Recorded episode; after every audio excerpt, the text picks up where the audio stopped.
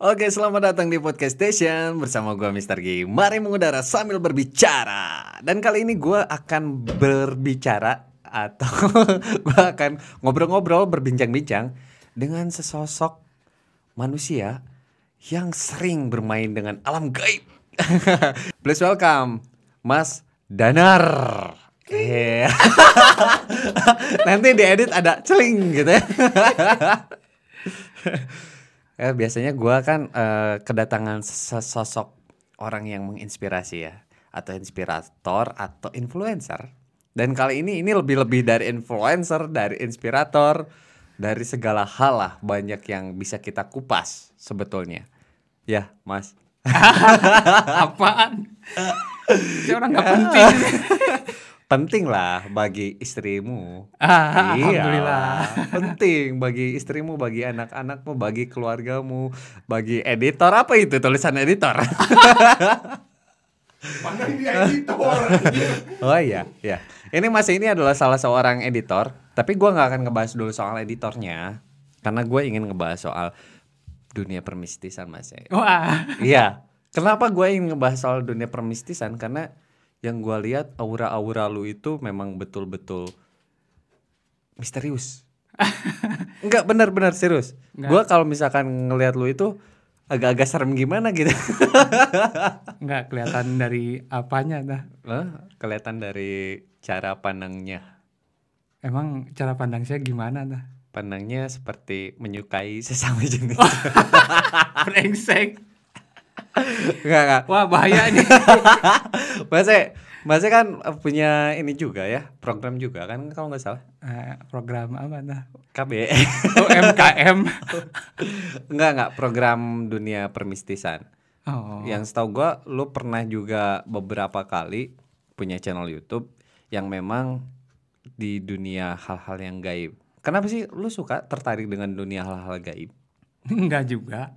Tapi kenapa lu bikin channel YouTube yang ya menurut gua ekstrim sih? Ya mungkin karena apa ya? Mungkin saya jadi bingung mau ngomong apa ini. Ngopi dulu, ngopi dulu, ngopi dulu. Ngerokok dulu. ya, biasanya orang-orang yang bingung untuk uh, menjawab sebuah pertanyaan itu harus dibarengi dengan sebuah rokok. Nah, kan kedengeran suara bensinnya, walaupun bensin minjem. Ya mulanya mah saya diundang jadi bintang tamu sih di channel yang dulu gitu. Oke, Yang dulu saya jadi ya tim gitu. Mula-mulanya jadi bintang tamu.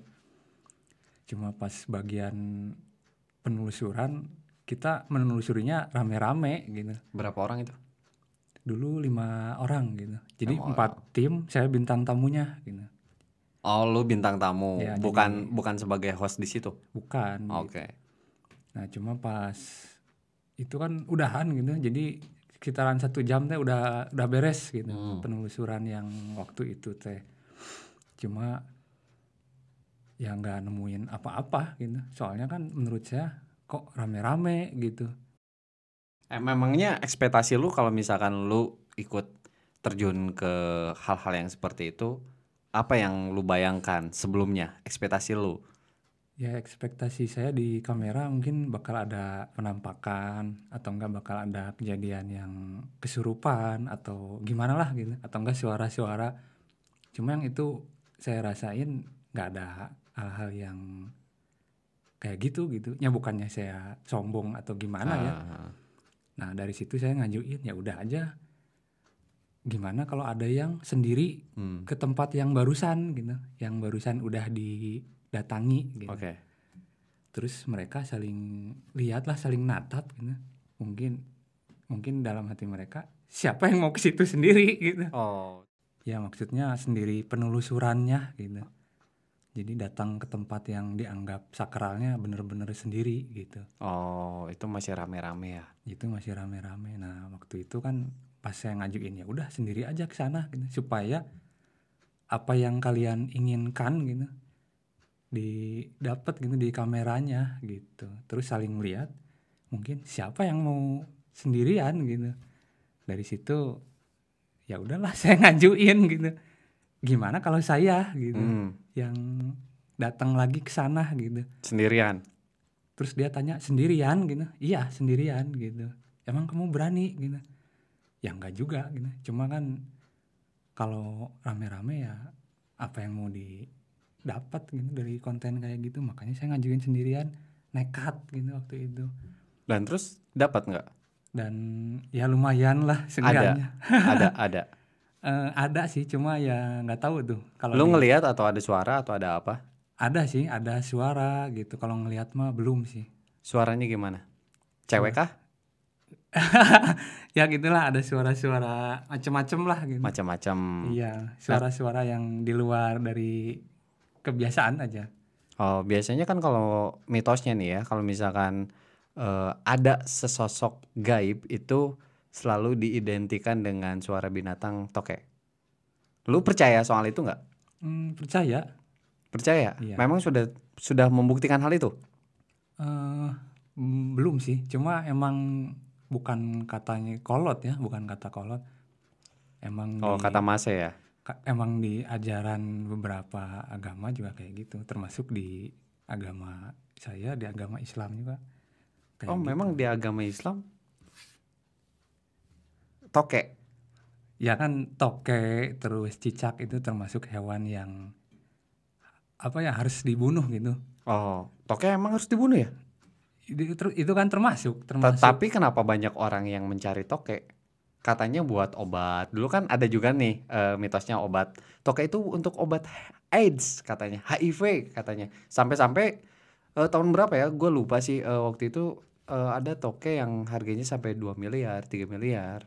ya mungkin kalau untuk apa pengobatan mah silahkan aja cuma kalau dia posisinya ada di dalam rumah di dinding gitu kita diharusin untuk membunuhnya gitu dengan satu kali pukulan gitu Tapi kalau misalkan satu kali pukulan nggak mati gimana itu? Ah, gak tahu tah Nah, katanya kan harus ngebunuh dengan satu kali pukulan. Iya. Tapi kalau misalkan satu pukulan nggak mati gimana? Apa dibiarkan hidup ya nunggu besoknya? pukul lagi sampai mati kali Berarti nggak satu kali pukulan dong kalau supaya gitu. sukaratul mautnya nggak terlalu lama kayaknya mah Ya berarti nggak satu pukulan dong mas ya? Gimana tuh? ya nggak tahu tah Kalau misalkan nggak satu kali pukulan itu dosa nggak? nggak tahu juga tah kalau urusan dosa kayaknya bukan ranah saya itu ya tapi kan kata lu tadi kalau misalkan ngebunuh toko itu harus sekali pukulan Bunuh sampai toke, mati cicak, ya. ya. Toke cicak. Itu eh maksudnya dibunuh harus dibunuh itu katanya kan kita sebagai manusia itu tidak boleh saling membunuh. Termasuk ke hewan juga dan tumbuhan. Tapi Ya. kenapa toke dan cicak harus dibunuh? khusus untuk cicak dan toke yang saya tahu gitu di agama Islam Hmm, Berarti babi enggak ya? babi malah enggak Babi enggak. ya Tapi katanya haram. ya bukan berarti dia harus dibunuh juga gitu Oh, berarti yang haram belum tentu Wah, ini untuk dibunuh. kayaknya gitu. mau menjebak saya nih Eh, Enggak menjebak. pertanyaan jebakan Enggak menjebak. Gua gua ingin nanya aja, gue ingin tahu aja Aduh. gitu. Gue ingin tahu aja. Ular juga kan itu termasuk yang apa ya nggak boleh dibunuh gitu kan Tapi kan ular katanya dulu itu jelmaan iblis yang katanya dulu ular itu kan binatang melata ya, punya kaki dan tangan. Cuman turun ke bumi mereka udah nggak punya kaki dan tangan katanya. Itu benar nggak? ya itu juga saya nggak tahu dah Oh nggak tahu juga. yang boleh dibunuh kan di antaranya kan apa kalajengking gitu hewan yang Beracun. beracun cuma Ular ular, juga enggak. beracun. ular enggak katanya soalnya mungkin takut dia dari bangsa jin gitu. oh, kalau jengking nggak. kalau kalajengking boleh Tapi kalau misalkan jin menyerupai kalajengking itu gimana? ah nggak tahu tak Nah, kan ini Yang udah saya tahu- simpang siur lagi yang saya beritanya. tahu jin itu paling suka dia bentuknya wujudnya ular gitu Ular. Iya. Hanya ular saja kah? Ada nah, sih katanya juga kalau misalkan macan ada gitu ayam nih, ayam malam-malam Ya. katanya ada tanda tanda-tanda khusus. Nah, itu benar nggak sih?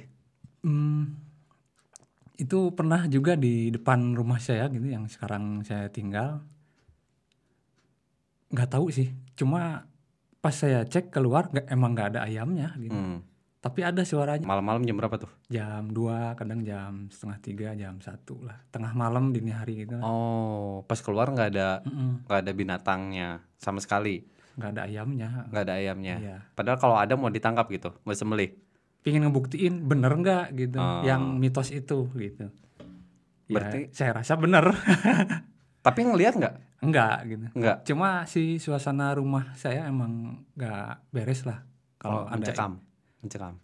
bukan mencekam sih mungkin kebawaan diri saya jadi nggak bener gitu. Oh, karena masanya nggak benar. iya kan lu Iyalah. sendiri yang bilang. Lu sendiri yang bilang. Gimana sih? Iyalah mungkin gitu. Jadi Oh, berarti kalau misal bawaan ke sayanya jadi nggak beres. Gitu. suasana rumah itu tergantung karakteristik manusianya juga berarti. Ya menurut saya gitu juga. Kalau misalkan emosi lagi panas, suasana rumah juga ikut panas. Mm-mm. Karena memang gue juga ngerasain itu sih. Kalau misalkan kita lagi emosi nih, di dalam rumah tuh agak panas ya. Kenapa ya? Iya, kalau di dari pandang hal-hal gaib mungkin hal ya apa sih makhluknya lagi banyak kayaknya di rumah itu. Jadi makhluk gaib yang ada di tempat kita tinggal lagi mungkin jadi kayak seperti pasar atau jadi kayak Hmm. apa gitu. Tapi kalau misalkan nggak ada gimana tuh? Tapi suasana rumah masih panas gitu. Ya berarti itu mau hujan kayaknya.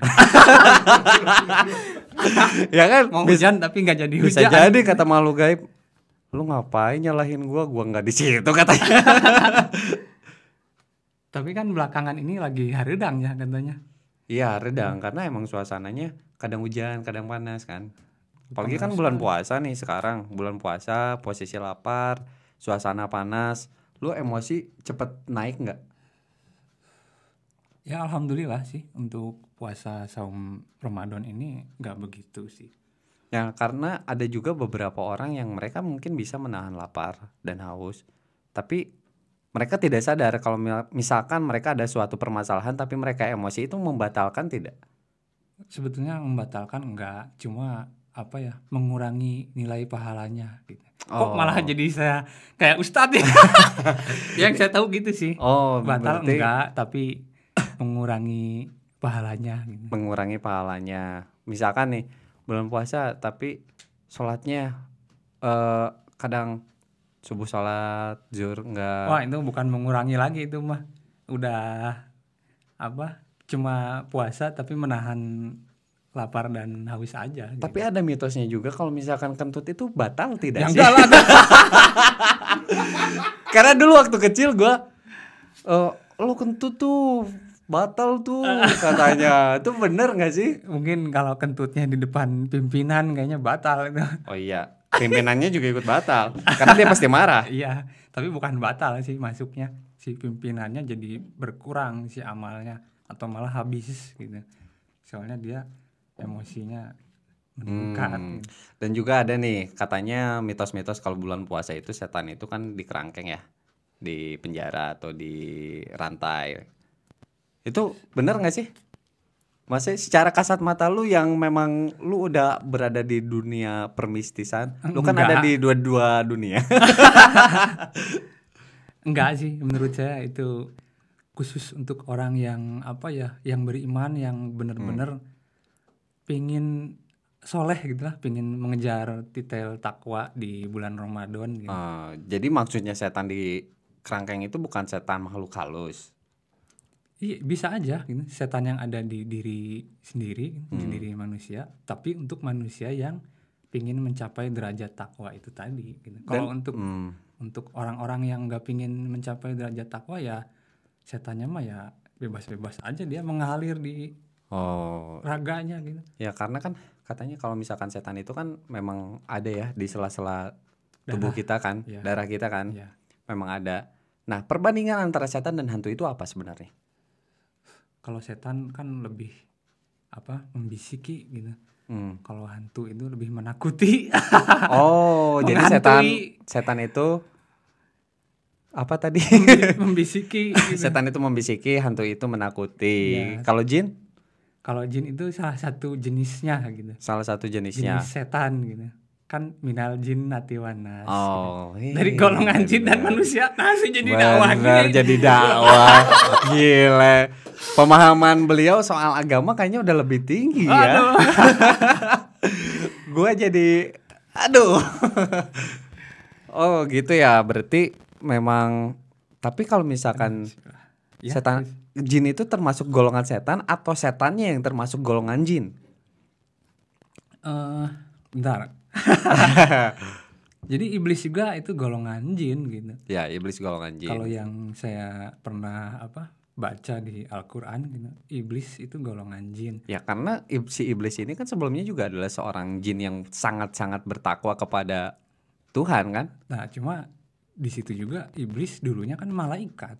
Ya, ya. Jadi Pemimpin kan, pemimpin malaikat kan? Ya. Ya. Terus tiba-tiba sama Allah disuruh sujud sama Adam gitu. Disebutlah maka maka setan nggak mau gitu, nggak mau sujud gitu. Hmm, Padahal kan di situ disuruhnya malaikat gitu. ya. Dia nggak mau sujud, makanya Iya. diturunkan ke bumi. Gitu. Nah, Masnya juga diturunkan ke bumi sebagai apa ini? sebagai khalifah. Oke, oke, oke. Oke, oke. Di Islam itu ada empat tahapan ya? Iya. Apa aja Mas? Apa ya? Syariah terus apa? Syariah. Syariah. Syariah. Aduh, Bang, kan. Gua udah kebangga-banggain dia tadi di awal. Bang kan bang syariah. Aduh, syariat. Iya. Terus Eh, apalagi ya itu makrifat ya. Terus Hakikat, hakikat, makrifat. marifat. Iya. Nah, Oke, Mas, E, selama lu penelusuran udah apa aja sih yang lu temukan? Apanya nih? Makhluknya apa? makhluknya lah. Eh, kalau nemuin makhluk mungkin belum pernah langsung ya.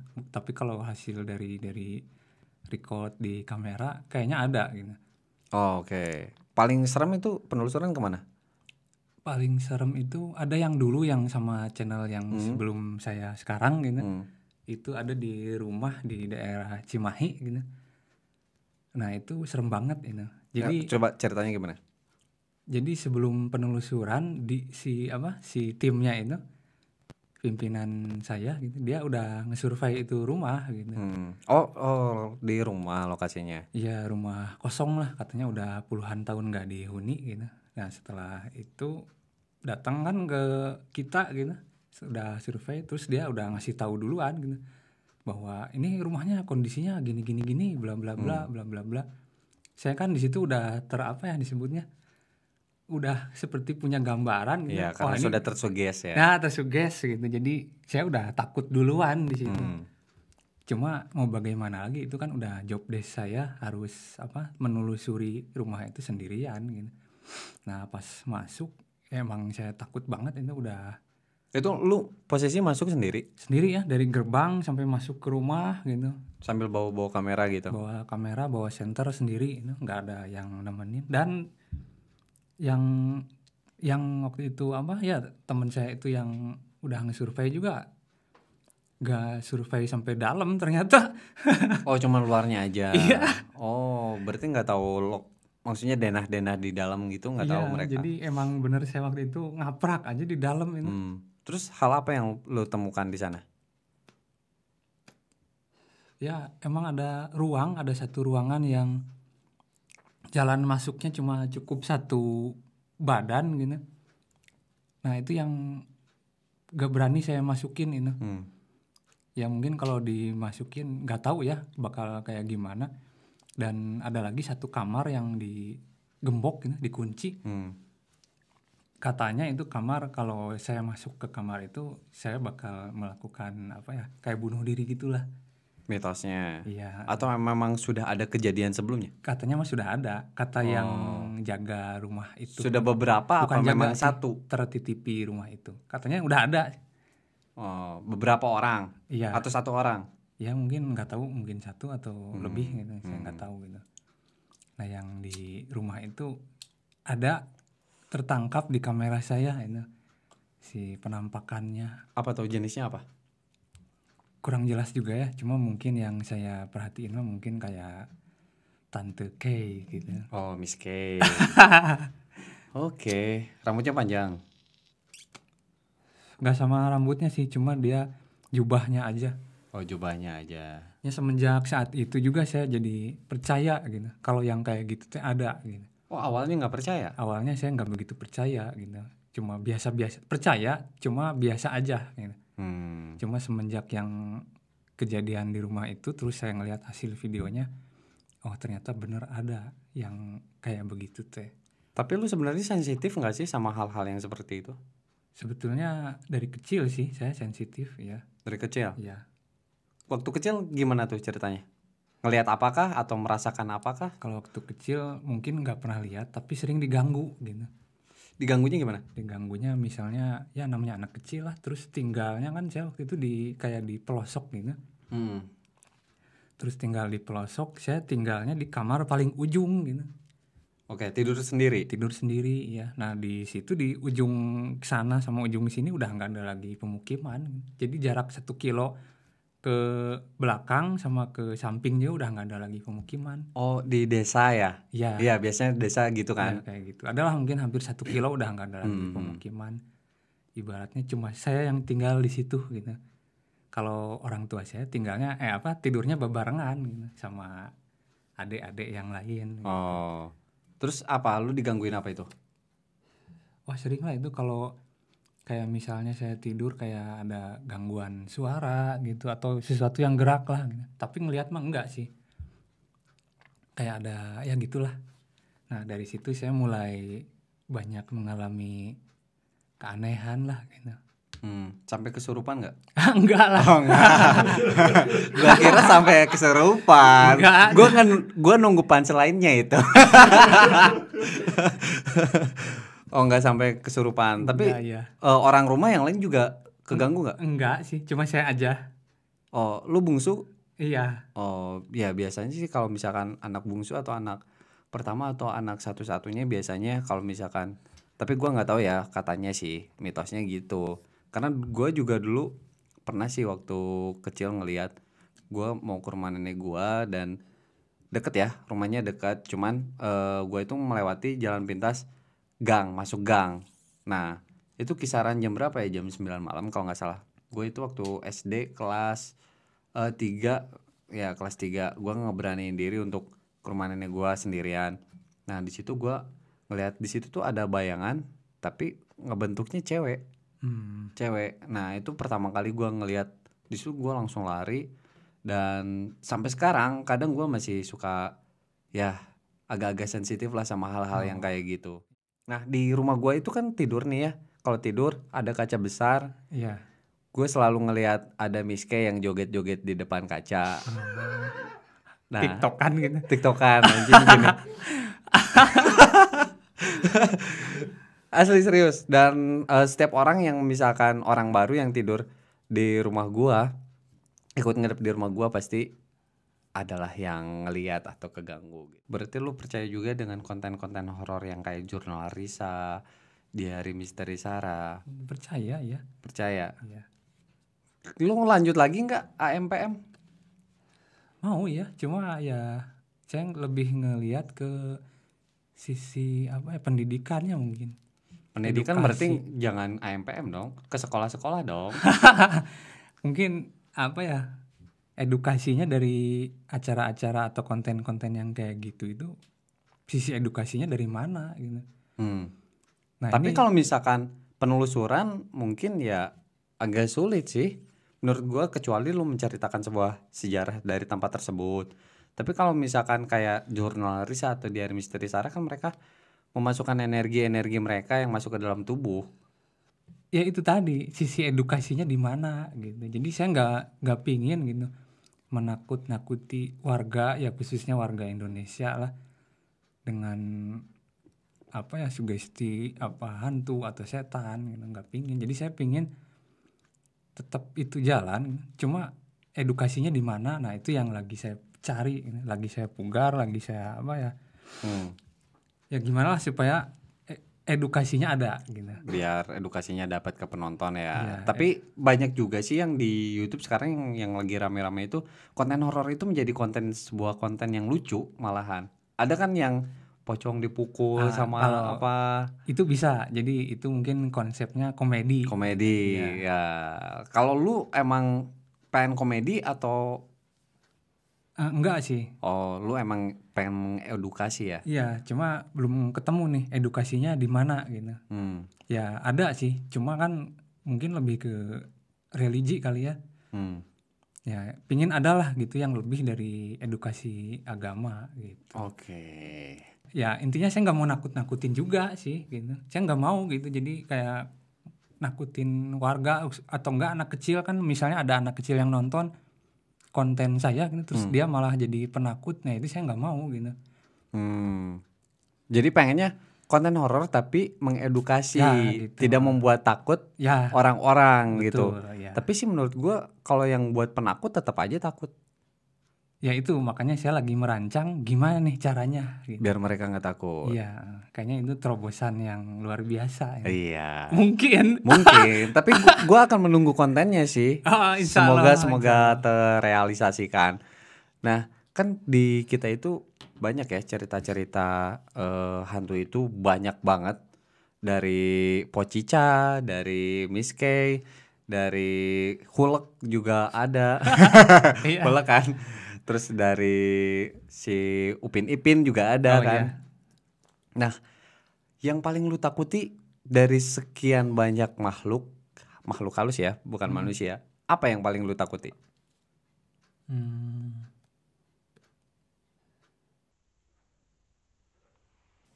nungguin ya Anjing memang, anjing.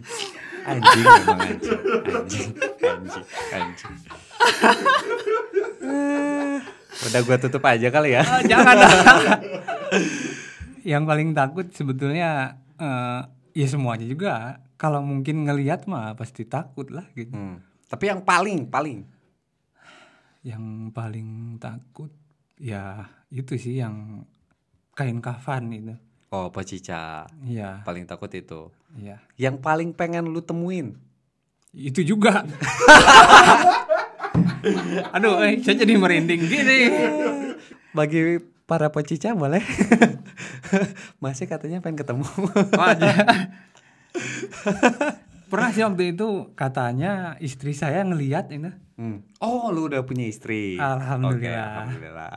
Terus terus tapi kalau ada yang pingin jadi istri kedua silahkan Saya sangat membuka anjing. bagus bagus. Lu mengikuti program pemerintah. Dua istri cukup. dua anak, dua anak salah salah. Oke. Terus tadi sampai mana ya kita?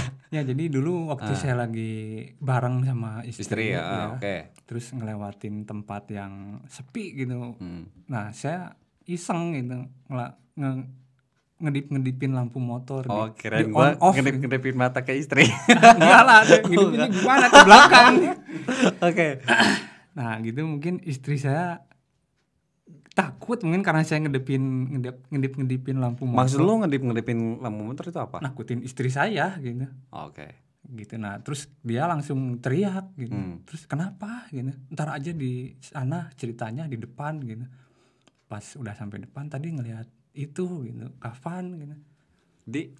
Ya di tempat yang kosong gitu. Tempat Oh. kosong itu. Terus di pepohonan enggak? enggak sih rumah. Oh, di rumah. iya. Nah terus gak lama dari situ saya apes gitu.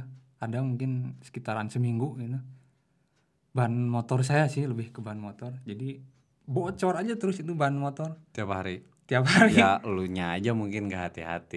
Secara logika kan bisa jadi gitu. Atau memang itu sebenarnya udah parah bannya kan udah parah Iya cuman sih. ditambal tambal gitu Cuma kan katanya, nah ini juga jadi apa ya? Jadi mungkin jadi mitos juga ya katanya Hmm. kalau ngelihat kayak gitu jadi apes gitu. tapi kan yang lihat bukan lu istri lu kan Iya, cuma ya mungkin tapi yang saya. kenanya imbasnya lu gitu mungkin gitu.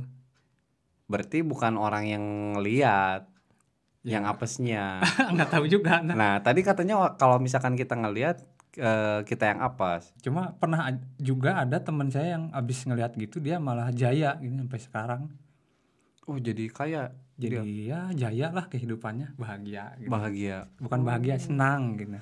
buat lu semua yang nganggur atau yang nggak punya pekerjaan atau yang lagi Ya. galau soal keuangan Betul, betul. lu cari dulu deh makhluk halus lu liatin nah lu nanti ada dua pilihan, lu bisa apes atau lu bisa jaya. Betul sekali itu. ada juga yang lagi viral sekarang ini yang apa tuh babi ngepet katanya. Dengar nggak berita itu? Oh yang katanya ketangkep itu. Ah, ah. Oh. Tapi itu hoax sih katanya. Hmm. Tapi lu percaya juga nggak sih sama babi ngepet? Hmm, percaya pernah ada teman saya juga yang, Yang jadi babi ngepet? dulu ya pernah ada. Temen lu jadi babi ngepet, serius? Iya. Lu yang jaga lilin? Jadi brengsek. Anjing, pantesan Ah, iya si Mase sih. nggak kerja tapi punya duit banyak. Alhamdulillah. oh, itu. Oke, oke. Ya, jadi kalau kata dia gitu yang emang pernah jadi babi. jadi bukan si duit korbannya yang hilang gitu, Tapi tapi berkah si duit korbannya yang hilang gitu. Jadi taruh kata nih saya punya duit eh, satu miliar gitu, hmm, Eh, kan bisa digeseknya kan cuma dapat satu lembar gitu. hmm. Jadi nggak mungkin dari satu miliar terus si babinya ngelewati rumah saya kan ngegesek kan katanya kan ngegesek kata dia si babinya. ya ngegesek. Itu ngegeseknya gimana? Kalau misalkan jadi babi pakai hidung? Anjir. Susah juga dong. Gak ngapain jadi babi kalau gitu. ya apalah nggak tahu yang digesek. Nah katanya yang yang hilang itu nggak apa nggak uang satu miliar cuma uang paling besar yang ada di situ gitu. Yang di ATM. nggak yang ada di rumahnya gitu. Oh, uang yang paling besar. Iya. Nah misalnya yang ada di rumah saya satu miliar nih cash gitu kan pasti uang paling besarnya kan seratus ribu Ah, nggak mungkin kan uang berarti ngambilnya cuma sedikit Nah, dong, seratus ribu, seratus ribu. Nah, besoknya seratus ribu lagi. Tapi uang saya tetap utuh sebenarnya mah satu miliar. Cuma yang seratus ribu ini yang hilang dia nggak bakalan jadi uang yang barokah. Gitu. Oh, tapi kalau misalkan ada orang yang kehilangan, memang benar-benar hilang, itu karena babi ngepet misalnya. Tapi gimana tuh? Nah. Misalkan nih, 100 juta deh, 100 juta, tapi diambil sama babi ngepet, sisa tinggal 50 juta, itu gimana tuh? Kalau kata teman saya yang dulu pernah jadi babi, itu nggak mungkin. Jadi Oh, itu nggak mungkin. hilang itu pasti selembar. Itu tuh 100 ribu dari setiap rumah dia ambil, atau hanya 100 ribu satu rumah yang bisa diambil? Satu rumah. Jadi misalnya rumah saya hilang seratus ribu, terus rumah tetangga yang lain seratus ribu, atau misalnya tetangga lain cuma ada yang paling besarnya 50 ribu, yaitu yang hilang yang 50 Oh, berarti eh, dalam satu waktu itu satu hari itu dia bisa ke beberapa rumah, tapi Iya. dia cuma bisa ngambil satu lembar. satu lembar per Yang paling satu besar. rumah iya Rugi juga ya.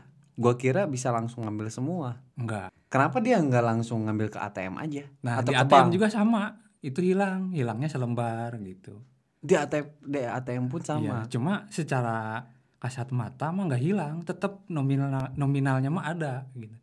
Cuma nanti yang kepake itu yang Yang ngambil misalkan, ya yang nah itu bakal jadi uang yang nggak barokah gitu. Oke, kalau misalkan sama tuyul bedanya apa? sama kata Sama. temen saya juga gitu. Nah makanya kita sebagai seorang muslim gitu kita harus apa sering-sering sodako.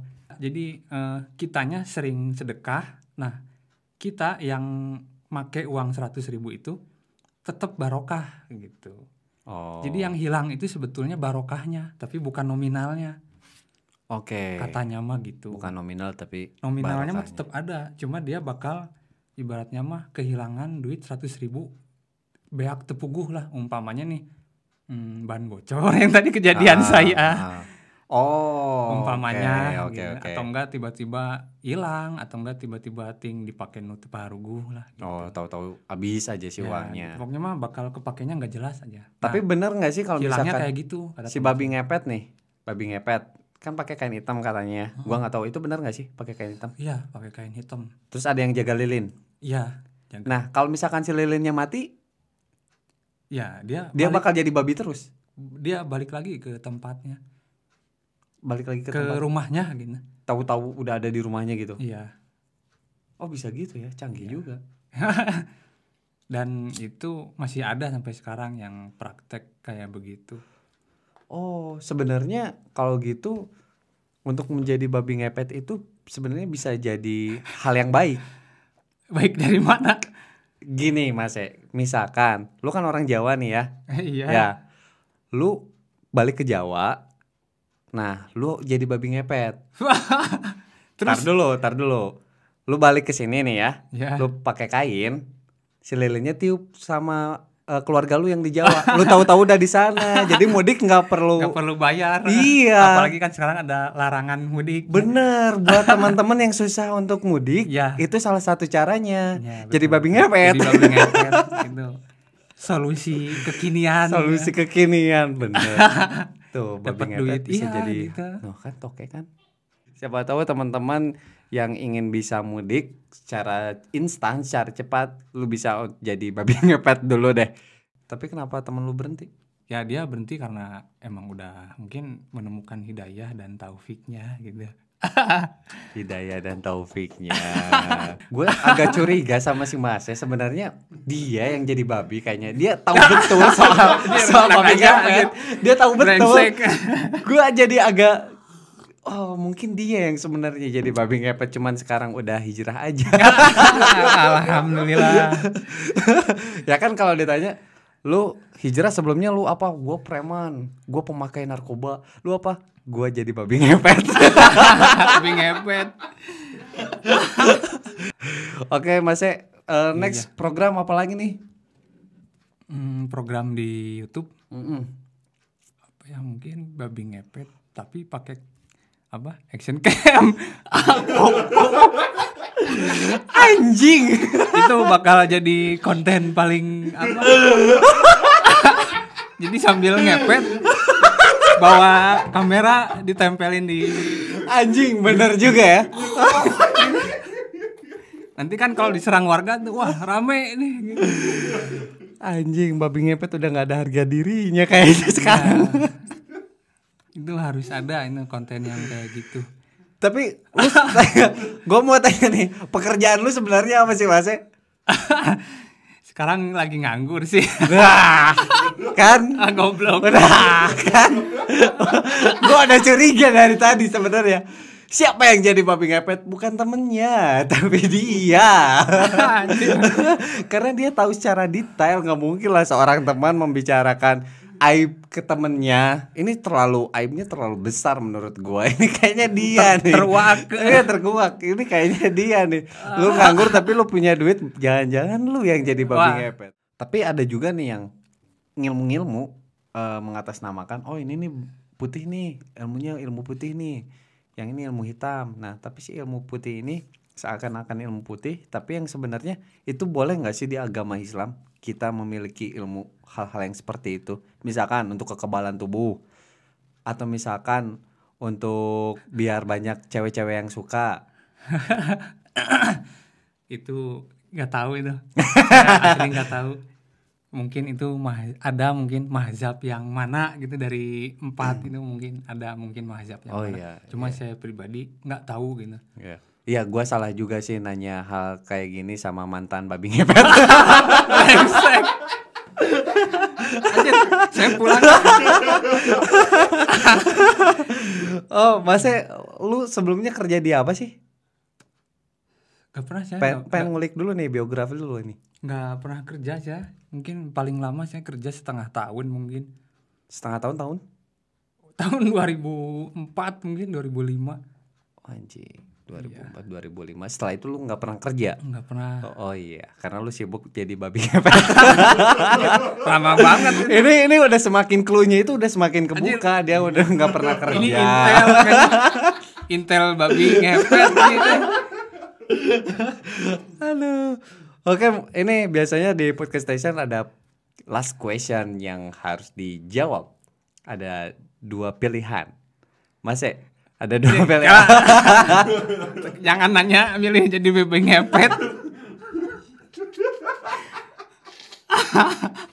brengsek jangan dulu lah kayaknya belum beres nih kita ngebahas yang pergaiban gitu Oh iya.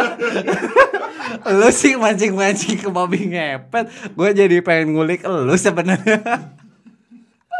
ya silakan cuma kalau yang mau diulik dari saya apa saya bukan orang inspirator jadi apa yang mau saya beri inspirasi apa iya, yang mau saya gua nggak akan minta eh, lu untuk ngulik, maksudnya sebagai inspirasi lu sebagai apa, tapi lu sebenarnya udah menjadi seorang inspirator mas ya, secara tidak langsung.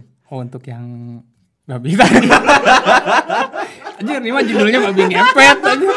Abong abong aing aja. Nanti judul- anjir. Nanti judulnya Mase Danar, seorang babi ngepet, brengsek aja. mantan babi ngepet. Baiklah. tapi sekarang kan lu udah hijrah ya dari seorang babi ngepet. Ya lah, sok lah. Ya lu pernah terbesit nggak untuk miara tuyul? jangankan miara tuyul, saya pernah bahkan sampai saat ini saya terbersit hal-hal yang lebih kejam daripada itu. Apa tuh? Kayak misalnya membunuh gitu. Oh serius? Iya itu. Itu saya mulai dari kecil lah mungkin dari usia semenjak yang saya tinggal tadi di rumah itu di rumah yang tadi saya ceritain di awal. Semenjak oh gua kira semenjak lu jadi babi ngepet. Oke oke oke. Oke oke.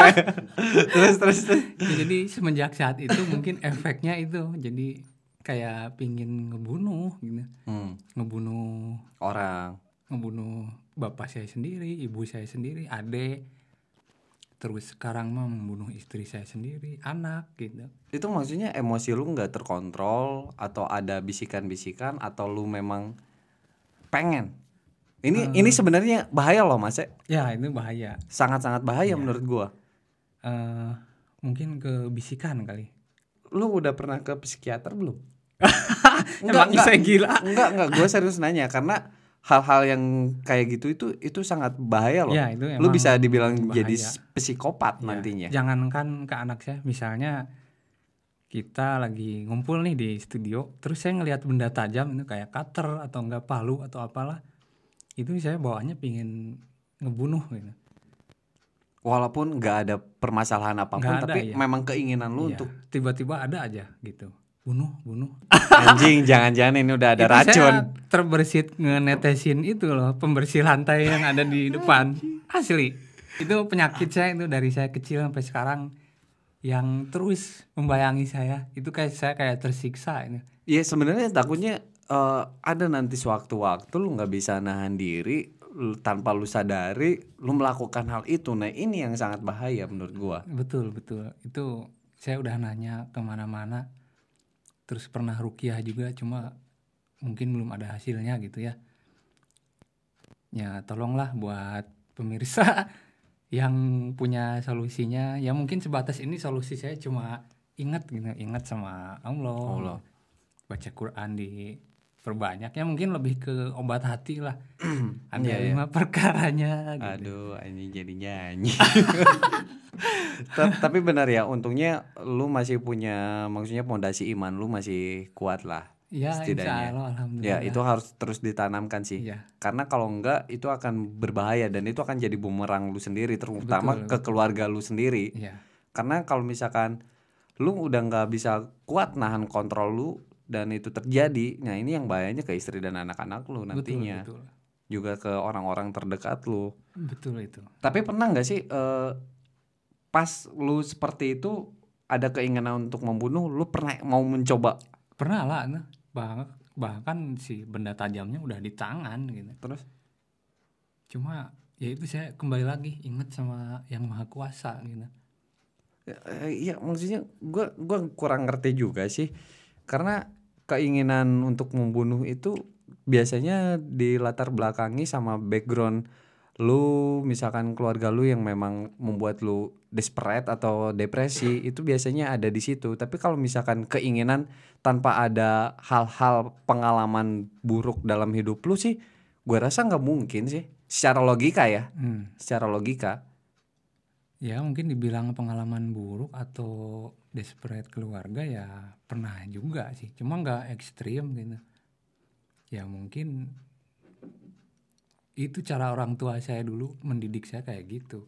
Hmm. jadi kayak gini jadinya Tapi memang sih kalau orang tua dulu kan eh, lebih disiplin ya. Iya, Enggak ya lebih ya sama lah gua juga kayak gitu. Cuman tergantung manusianya, tergantung si anaknya dia bisa kuat tahan atau enggak. Nah, lu sendiri eh, memberikan pendidikan sama anak-anak lu Iya. sama dengan kayak Enggak lu? lah. Oh enggak, Enggak, cuma adalah dikit lah. ada dikit. Ya sebagai laki-laki harus tegas lah, Iya. ya kan?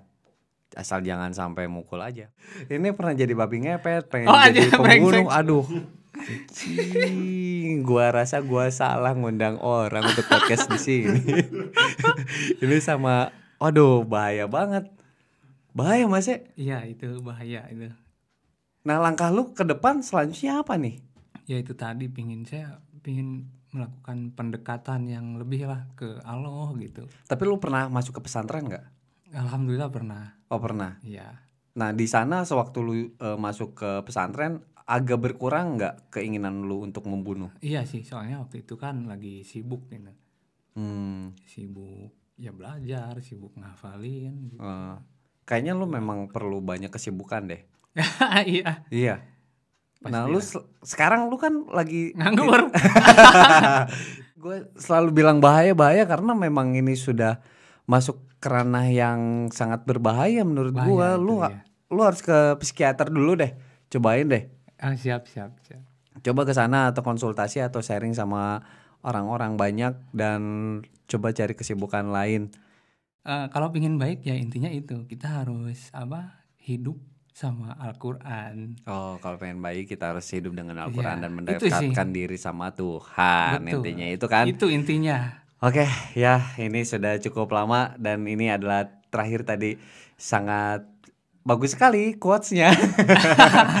itu yang menjadi penutup kita hari ini. Tapi gue mau nanya dulu nih untuk terakhir kalinya, Ah, boleh, Mas E, ada pilihan babi ngepet atau psikopat? Aduh, kayaknya psikopat. Oke, itu adalah jawaban dari Mas E. Oke, buat teman-teman. Psikopat untuk apa ya? Psikopat untuk para apa ya pelaku konspirator. Oke, terima kasih Mas E sudah hadir di podcast Ya, station sama-sama. pada hari ini. Buat teman-teman jangan lupa untuk like, komen dan juga subscribe.